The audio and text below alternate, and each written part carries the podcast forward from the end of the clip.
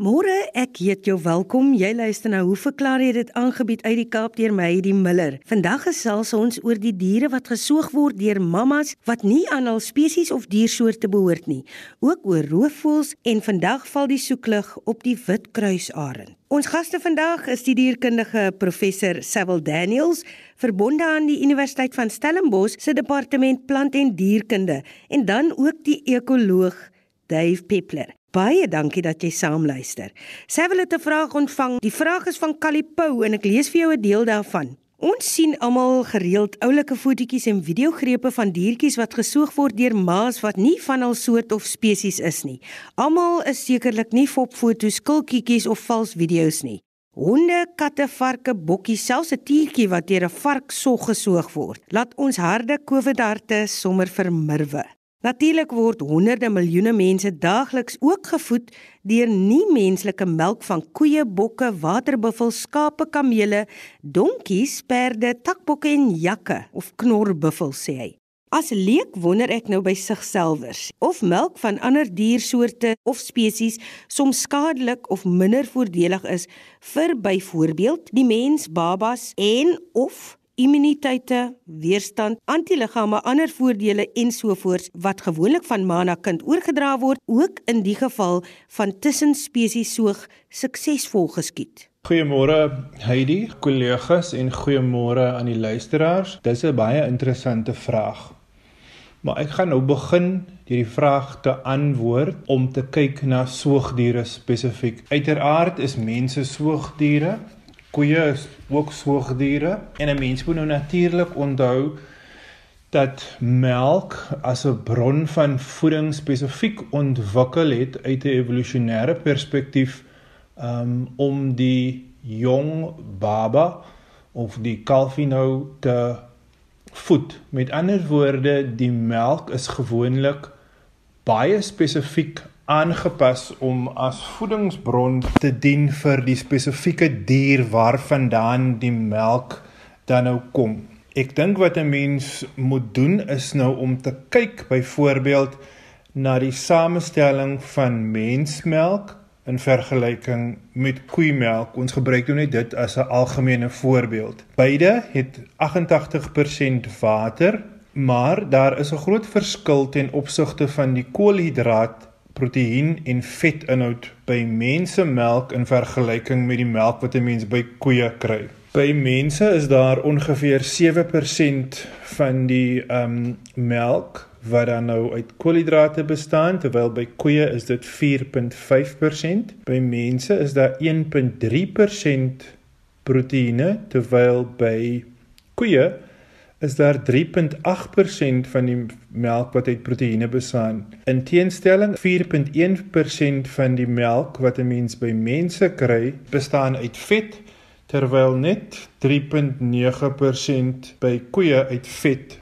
bestaan. Hoekom sou 'n mens hierdie verskille sien is die vraag. Kalvers moet vinnig groei. Met ander woorde, by hierdie diere is daar gewoonlik 'n redelike hoër gehalte of 'n hoër konsentrasie sal 'n mens liewer sê van proteïene wat dan nou in die melk sou voorkom. In teenstelling daarbey, ehm um, of daarmee liewer is by mense die aanpassing dat daar baie meer vet in die melk is en die wetenskaplikes dink dat die hoofrede daarvoor is om die senuweestelsel um en die brein vinniger te laat kan ontwikkel.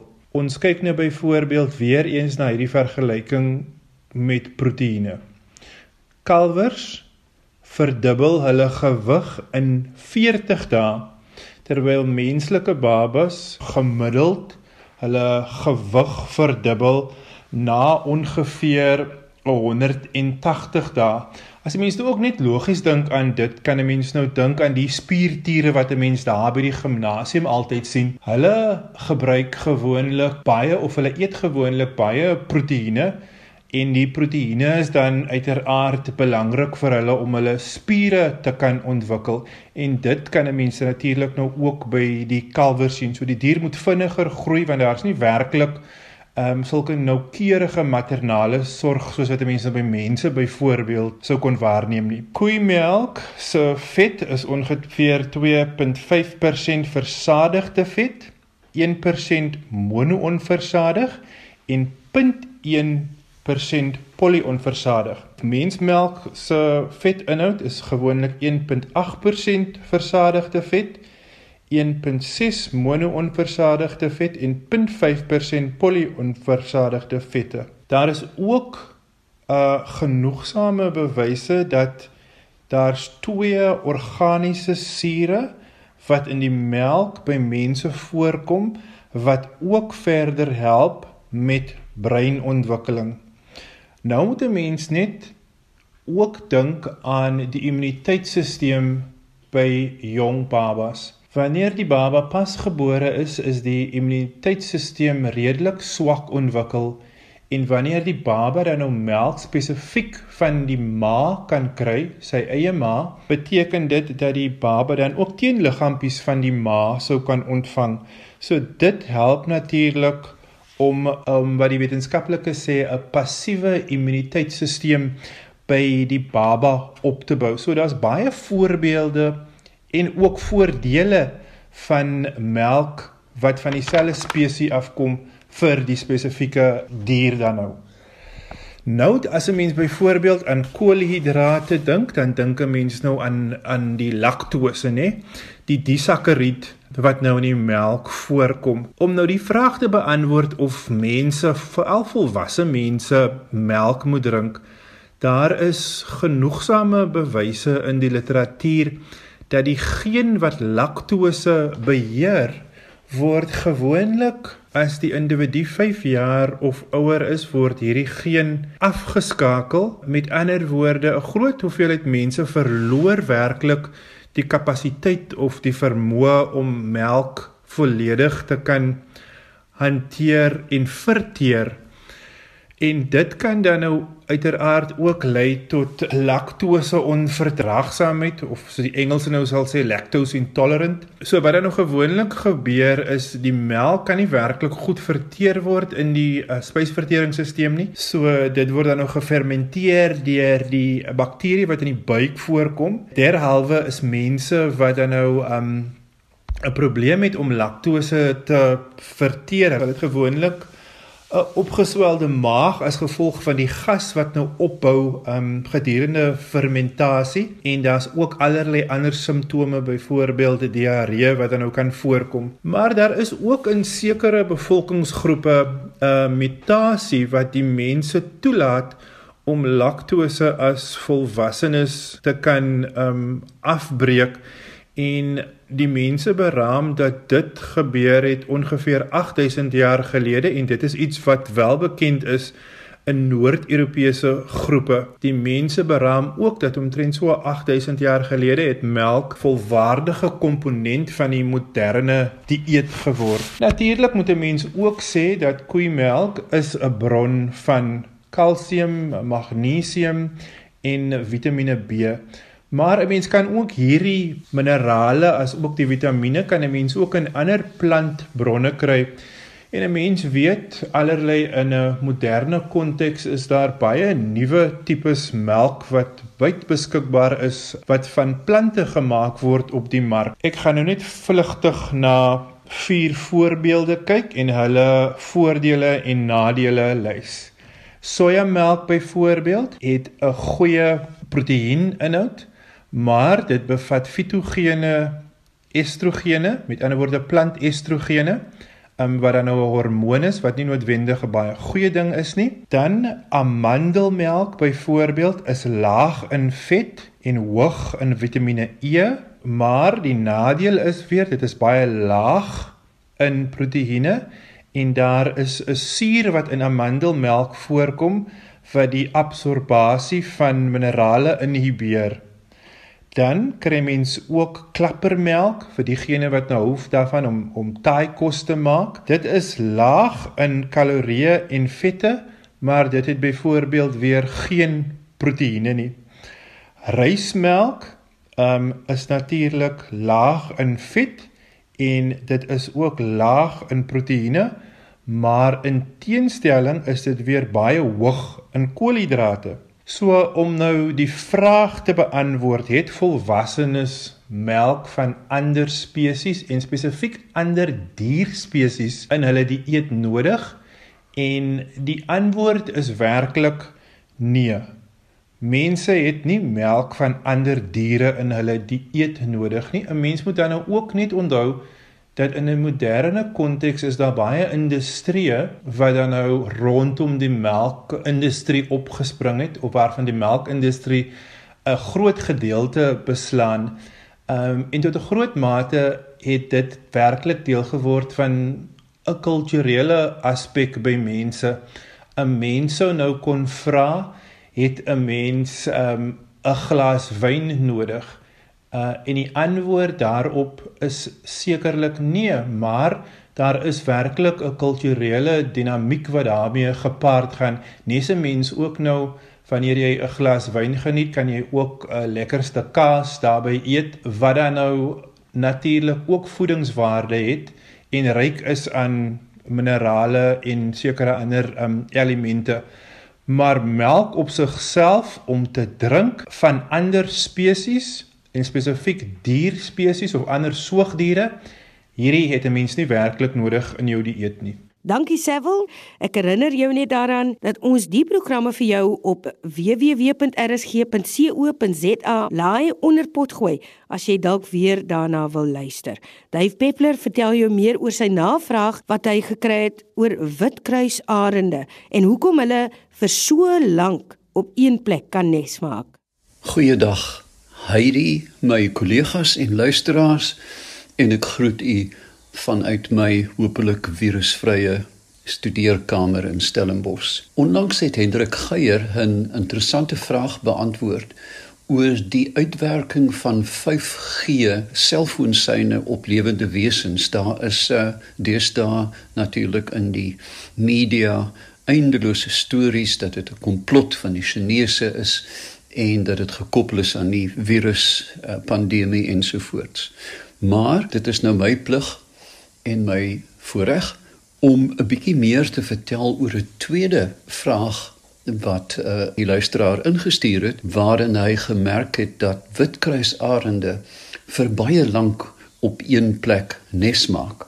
Nou ja, kom ons kyk nou 'n bietjie uh, spesifiek na die die witkruisarend en voordat daarmee begin, dit is nie onbekend in die wetenskap dat roofvoëls veral vir dekades en selfs honderde jare op een plek kan nes maak nie. Een van die bekendste voorbeelde hiervan is 'n swerfvalknes op die Isle of Man suid van Engeland waar swerfvalke al sedert die tyd van Henry die 8ste uh, daar nes maak. Uh, daar is aangeteken in sy valkoniersjoernale dat kuikens daar geneem is om vir die koning se plesier grootgemaak te word um, om dan ander voëls te vang. Maar um, terug na die witkruis.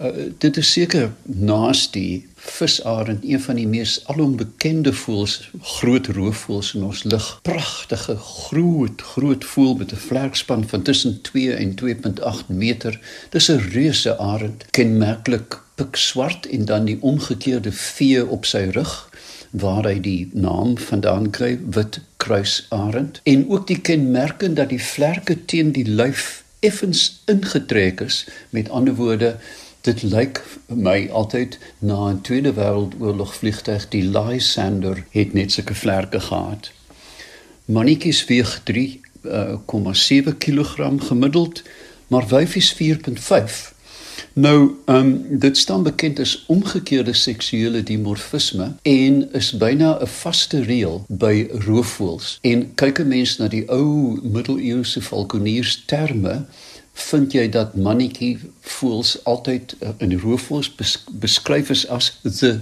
tiersel, met ander woorde 1/3 kleiner as die wyfie. Hulle is nie baie vokaal nie, hulle raas nie veel nie. Um, en het ook nie eintlik 'n kenmerkende roep soos die visarend byvoorbeeld nie. Die verspreiding van hierdie uh, pragtige arende stem ook baie mooi ooreen met die verspreiding van klip en boomdasse. Ons moet onthou dat verder noord in Afrika het ons uh, Dendro hyrax, die boomdas, um, wat eintlik maar soos ons klipdas lyk, maar eintlik net in bome bly en hulle word natuurlik ook deur die arend gevang. En hulle kom so ver noord as in die Sinai woestyn voor en ook in Jordanië.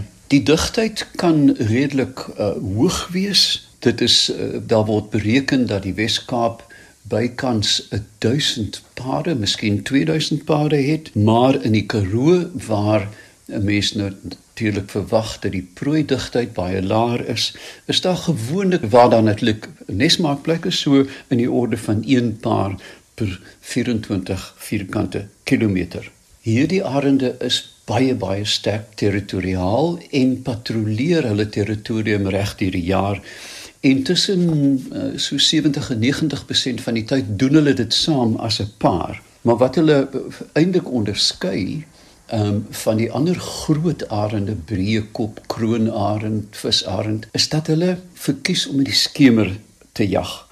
Uh, en daar is 'n pragtige naam daarvoor skemervoëls in Afrikaans en dit gee hulle natuurlik die voordeel van verrassing as dit kom by 'n dassie jy weet daai leepoogdassie wat die eerste sonnetjie probeer vang om 'n bietjie warm te word. Hulle sukses in terme van jag is nie so hoog as wat 'n mens verwag nie en dit is bereken dat daar een suksesvolle jag elke 30 uur. So hulle, hulle kan nie elke dag noodwendig prooi doodmaak nie. Hulle jag saam gewoonlik en het 'n um, ehm, baie interessante taktik waar een voel opsigtelik uh, gewoonlik die wyfie dan ehm um, sal vlieg en nie al die soos die jonkman staan na kyk kyk die dassies dan na die voël wat hoog vlieg en dan kom die ander een van die paar laag oor die klippe en vang dan van die dassies wat omhoog kyk.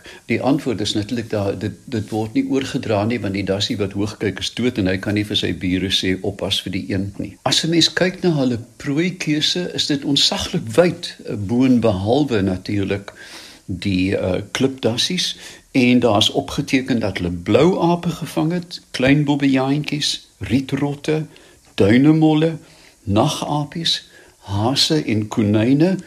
Uh, ek moet net hier verduidelik dat ons het beide hase en konyne, ons het die gewone vlakhaas en die kolhaas, hulle is ware hase, maar dan die klipkonyne, daai pragtige diertjie met die bloedrooi stertjie, is ware ehm um, hulle is nie hase nie maar konyne en die verskil lê daarin dat hase se kleintjies word voortvarend gebore. Hulle kan dadelik beweeg.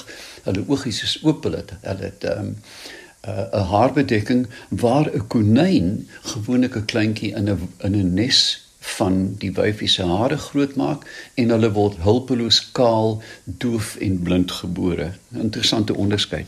Dan verder is dit bekend dat hulle al klein uistervarke gevang het, valboskat, klein duiker, tarantale, kolgase, reiers, bosluisvoëls, duwe.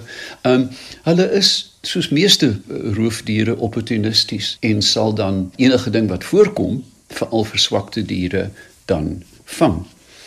Nou hulle broeigewoontes, dit is bekend dat hulle monogam is. Dit beteken dat die mannetjie en wyfie voel vir soms dekades by mekaar kan bly en ons het al in vroeë programme vertel van of verduidelik althans hoe indien een sou vrek deur 'n ongeluk of van ouderdom daar 'n uh, vervanging binne etlike dae sal wees uit die sogenaamde drywende bevolking die floating population van voëls wat nie 'n maat het nie wat rondbeweeg en dan inbeweeg sodra daar 'n gaping in 'n verhouding as mense dit so kan noem van een van die voëls is. Ons kom nou by die nesgewoontes. Elke territorium kan in die orde van 5 neste bevat waarvan een 'n gunsteling nes is. Ek weet van 'n nes in Buinskloof byvoorbeeld wat uh, ek on, nie ontdek het nie maar gevind het hier in die laat 70s en so 5 jaar gelede nadat die nes